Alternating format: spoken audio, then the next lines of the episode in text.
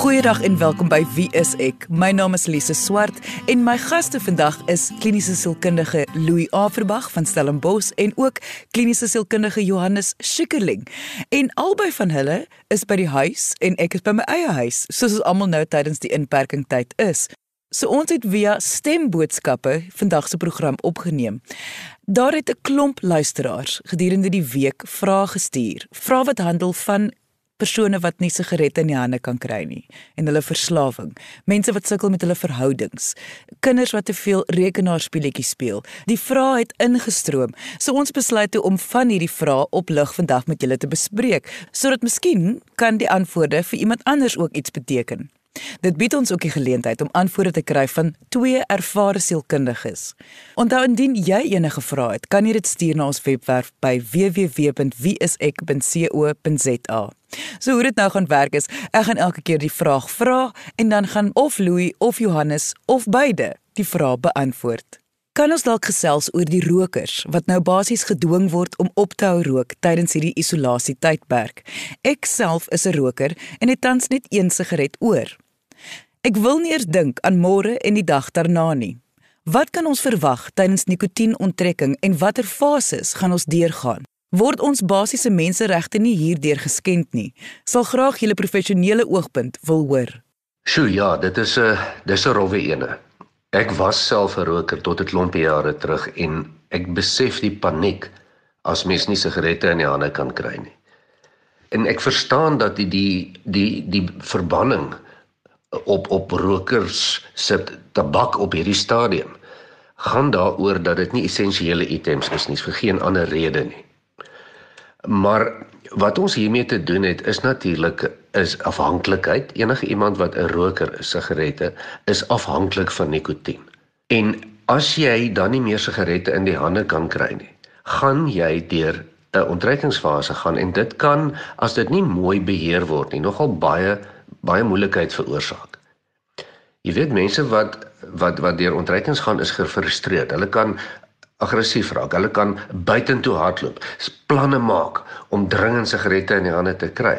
Miskien gearresteer word. Lise, heel eerste dink ek dat mense definitief onttrekking te wagte kan wees daar is definitief sekere fases waardeur mense sal gaan en waarvan die eerste een seker paniek en angstigheid sal wees. En soos wat jy al reeds nou al gesê het, is dit net dat die voorraad nie meer daar gaan wees nie en dit sal die eerste paniek wees. Daarna kan mense dan sekere fisiologiese simptome verwag, byvoorbeeld sweterigheid, slapeloosheid. Hulle kan ook verwag dat daar alle angstigheid en irritasie oor die algemeen sal verhoog en dan ook baie keer kan mense ook 'n groot eetlus ontwikkel veral met nikotienontrekking.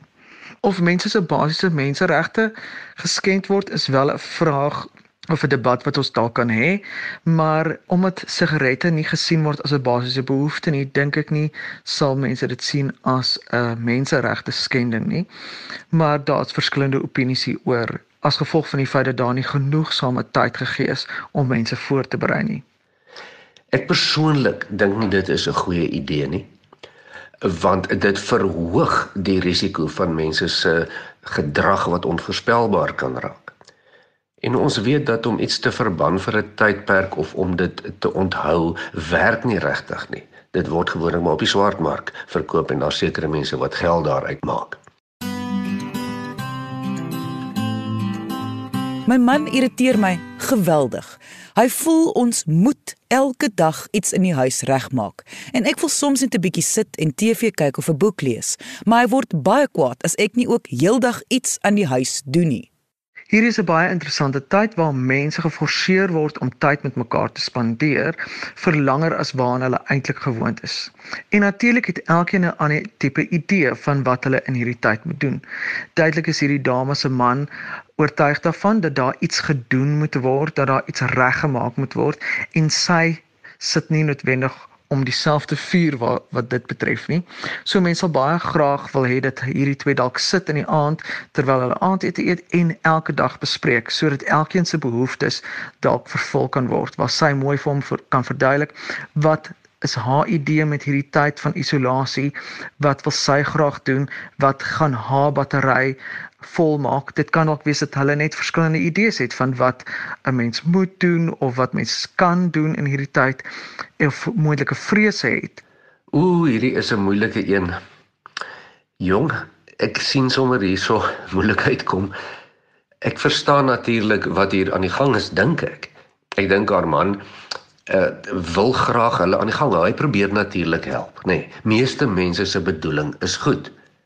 Haar man het nie opgestaan en gedink hy gaan nou sy vrou vandag lekker irriteer nie, veral nie tydens 'n uh, eh, isolasie tydperk nie. Dit is moeilikheid soek.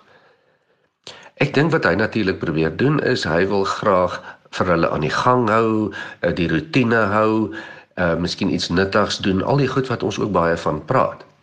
Maar nou druk hy dit op haar af. Of ten minste voel sy dat hy dit op haar afdruk. En as dit wanwaar is dat hy kwaad word as sy nie heeldag iets aan die huis wil doen nie, dan dan is dit seker so dat hy dit op haar afdruk, nê. Nee.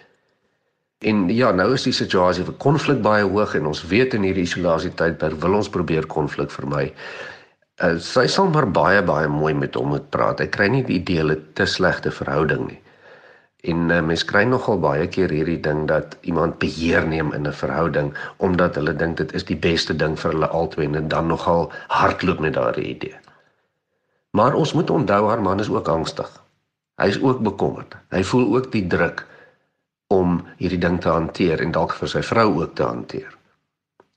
So ons moet maar almal bietjie genade hê hierso. So mense sal eintlik net wil hê mense moet 'n goeie gesprek hê oor wat dit is uh, wat hulle graag in hierdie tyd wil doen en dat daar 'n tipe kompromie gemaak word oor hoe die tyd gespandeer word. Soek jy 'n professionele persoon in jou area?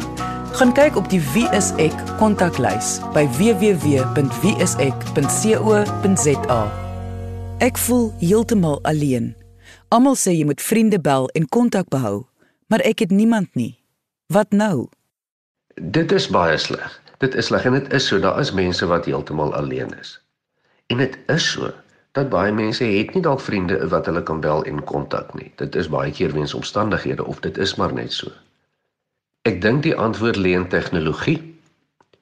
En ek weet dat as mens op die internet gaan, is daar verskriklik baie belangegroepe, alleen mense. Daar's gespreksforums.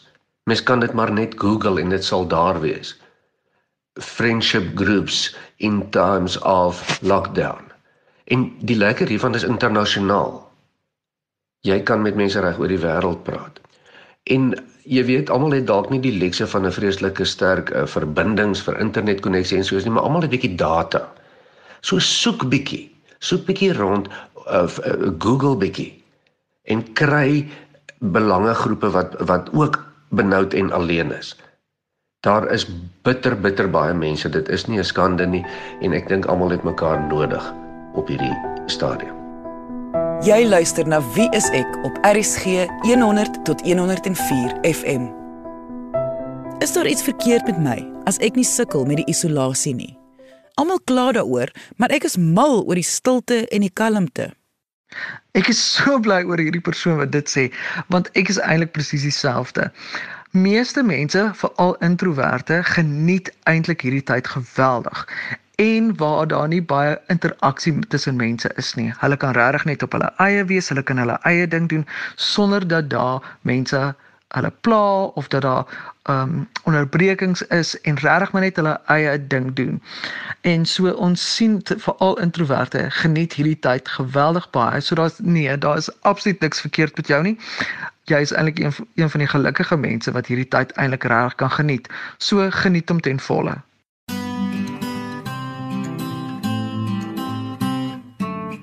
My beste vriendin het my nou afgeskryf want sy sê ek is te obsessief oor ander mense se bewegings. Ek bly in die stad en sien hoe mense nie by die huis bly nie en dit maak my baie kwaad. Maar is dit genoeg rede om 'n vriendskap te stop? Mense sal nogal regtig wil wonder hoekom hierdie vriendin juis die vriendskap gestop het. En mense sal eintlik dink dat dit is as gevolg van iemand wat redelik obsessief is. Dit klink asof hierdie dame redelik obsessief is oor een ding en dit is oor mense wat nie by die huis bly nie.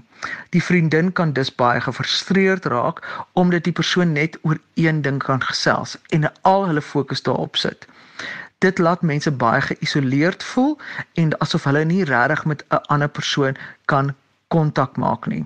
En dis sit hulle dan die vriendskap eers op ys. Dat as die persoon eers oor die obsessie is, dan kan hulle weer 'n genormale gesprek hê oor verskillende dinge in die lewe of in die samelewing. Wel, ek kan verstaan die persoon is is vies vir ander mense wat nie by die huis bly nie en en en hy of sy bly by die huis en en probeer uh, probeer 'n deel doen en die ander mense doen dit nie. Dit maak mense vies. Ek weet nie of dit mense nou verskriklik baie kwaad of woedend moet maak nie. Maar mens weet nie in die vriendin se kop hoekom het sy die vriendskap gestop nie. Soos die persoon dit stel, is dit sekerlik nie genoeg rede om 'n vriendskap te stop net as jy vies is oor ander mense nie by die huis wil bly nie. Maar die vriendin sê sy is obsessief, sê die vriendin oor ander mense se bewegings. As ek as ek die persoon was, sou ek dalk probeer het om die vriendin te kontak, miskien met 'n boodskap en vra net vir haar, hoorie, vertel bietjie vir my van hierdie obsessiwiteit. Wat wat bedoel jy? Dat ek net kan verstaan. So dit kan wees dat hierdie vriendin voel die vriendskap lei daaronder onder die een persoon se obsessie en dat hulle dan eers die vriendskap wil stop tot die obsessie verby is of dan die persoon dalk hopelik tot beter insig bring deur om die vriendskap te breek sodat hulle kan sien daar is nie net een ding wat op my brein speel nie. Ek kan ook oor ander dinge gesels. Ek kan ook nog steeds 'n vriendskap aan die gang hou. Dit maak nie saak hoeveel mense in die straat loop nie.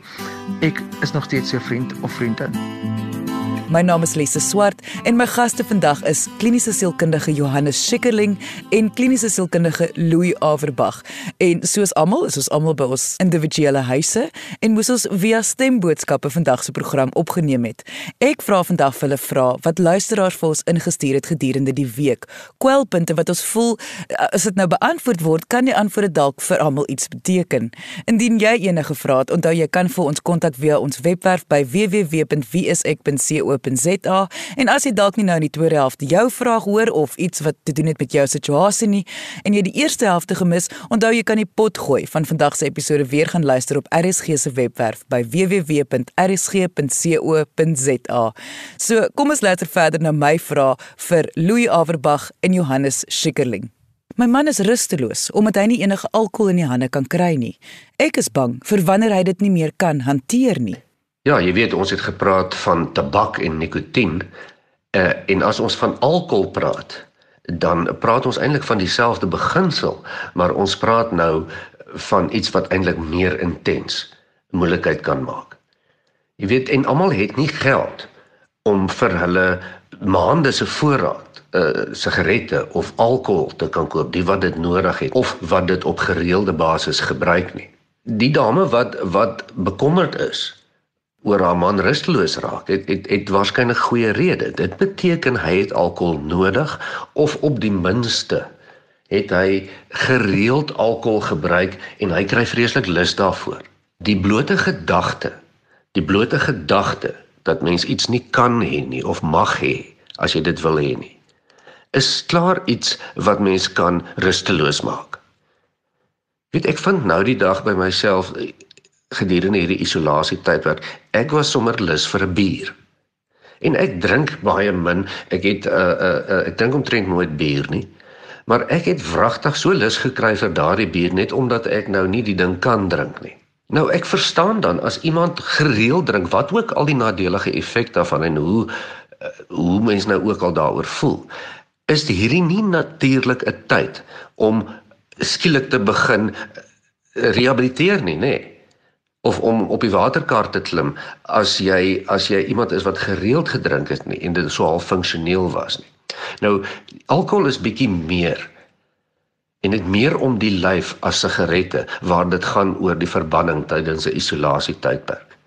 Dit gaan nie net daaroor dat dit nie 'n essensiële item is nie. Dit gaan ook daaroor dat alkohol verbind word met baie keer met misdaad met gesinsgeweld en so voorts. Nie tabak nie.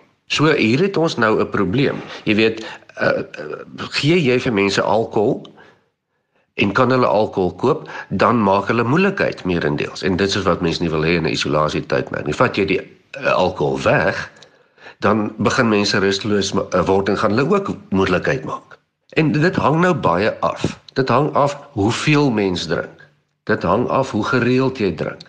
Dit hang af jy weet hoe jou verhouding met jou vrou is, met jou man is. Die dame wat begin bekommerd raak. As sy in elk geval 'n slegte verhouding met haar man het, dan het raak hierdie ding mos nou net meer plofbaar.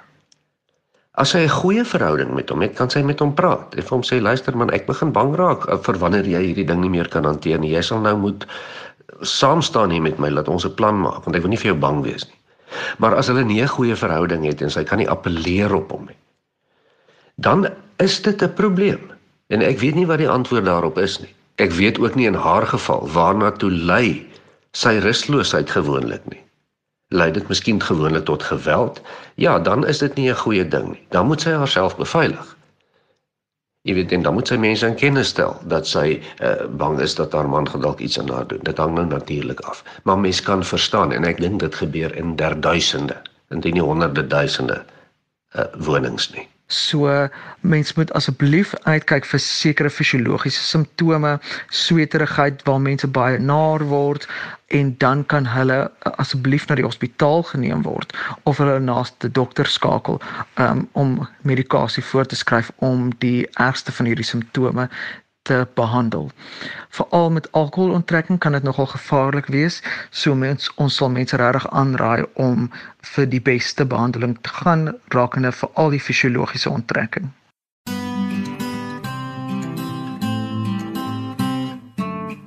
Niemand gee om oor hoe ek voel nie. Ek het my familie laat weet ek koop nie met die alleen wees nie, maar hulle sê net ek moet besig bly. Niemand verstaan hoe erg dit is nie.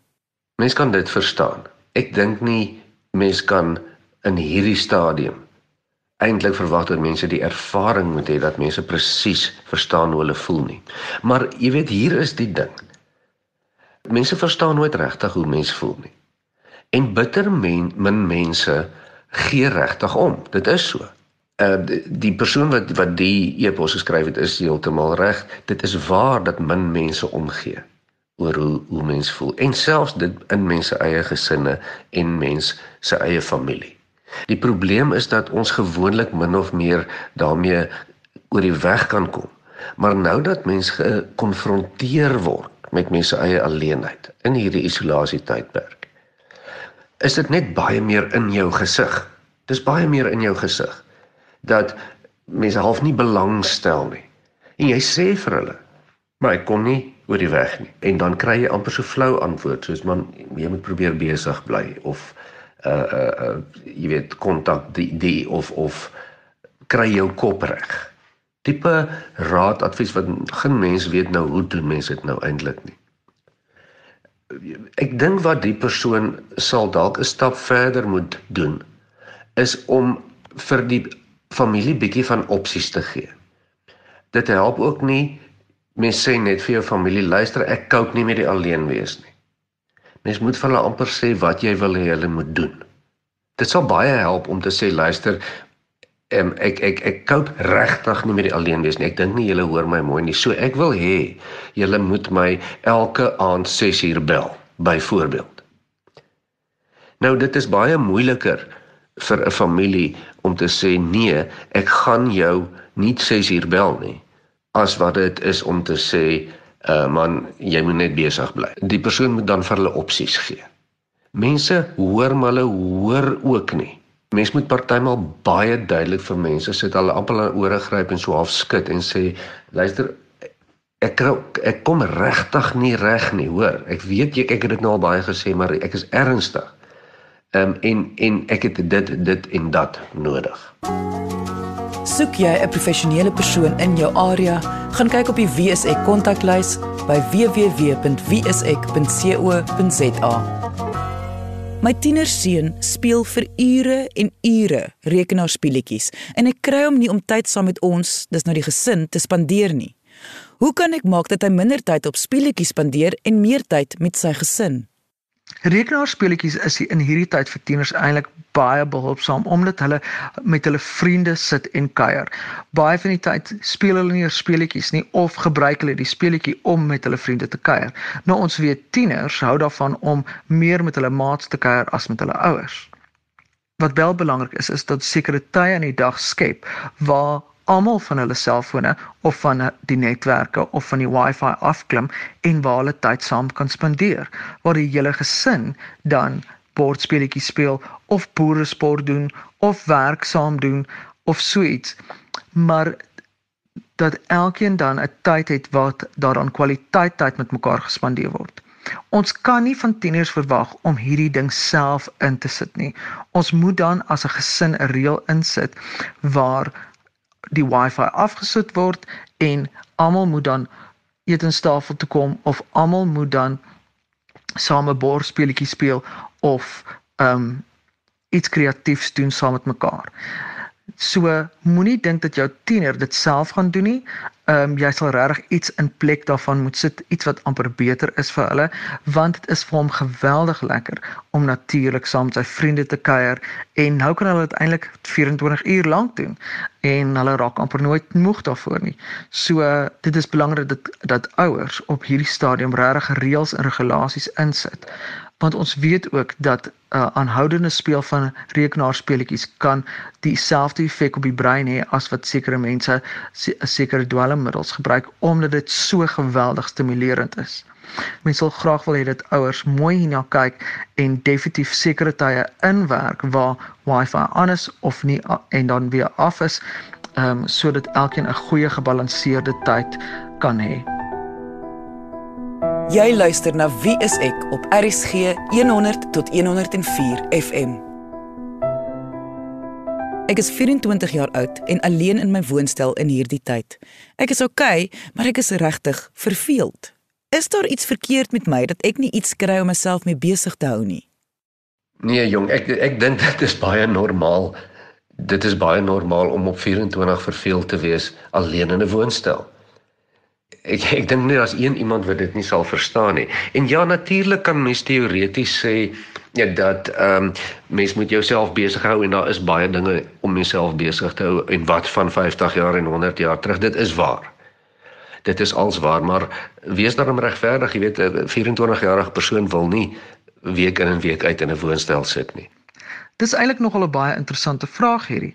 Want Baie mense en veral kreatiewe mense sien verveling as 'n baie belangrike deel van kreatiwiteit of eintlik dan die oorsprong van kreatiwiteit.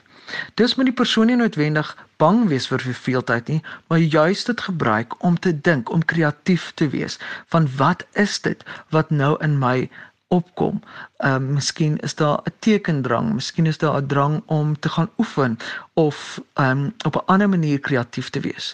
So ons is nie regtig bang vir 'n gevoel of daar's niks verkeerd met jou as jy verveeld is en niks kry om te doen nie. Wat eintlik belangrik is is dat jy die verveling gebruik juis om iets kreatiefs tot stand te bring. Maar daar is ook baie maniere om via elektroniese verbinding reg oor die wêreld met mense te te verbind. Hierdie persoon wat in die in die woonstel bly, doen tog iets. Werk tog of studeer dalk of stel tog in iets belang. Daar's belangegroepe reg oor die wêreld. En ehm um, daar is mense wat nou sommer vir vir lekkerte en vir selfontwikkeling aan projekte deelneem. Dit kan enigiets wees. Of dit nou gaming is en of dit uh uh is om uh, ingewikkelde toestelle te bou en te bespreek. Mens kan soveel as moontlik gesprek en interaksie hê deesdae. En ja dit los nie die hele alleenheid probleem op nie maar dit help. Dit help en so kry mens die dae verby Voor ons vandag afsluit, wil ek net sê dat ons het wel nie vandag 'n vraag bespreek wat gaan oor huishoudelike geweld nie of mishandeling nie, fisieke mishandeling nie. En ons wil net vir mense sê dat op ons Facebook onder Wie is ek SA is die noodsaaklike hulplyne beskikbaar indien jy jouself in 'n situasie bevind waar daar mishandeling is. Selfs die regering moedig mense aan dat die nodige hulpbronne is tans beskikbaar. So indien jy voel jy het hulp nodig, Kontak een van hierdie hulplyne en iemand sal daar wees wat vir jou kan help en advies bied oor hoe om die situasie te hanteer. Indien jy enige ander vrae het, onthou jy kan ons kontak deur ons webwerf by www.wieisek.co.za. Baie dankie dat jy vandag ingeskakel het. Jy moet 'n heerlike naweek hê, selfs al is dit maar presies dieselfde as wat die week was en onthou, kyk mooi na jouself.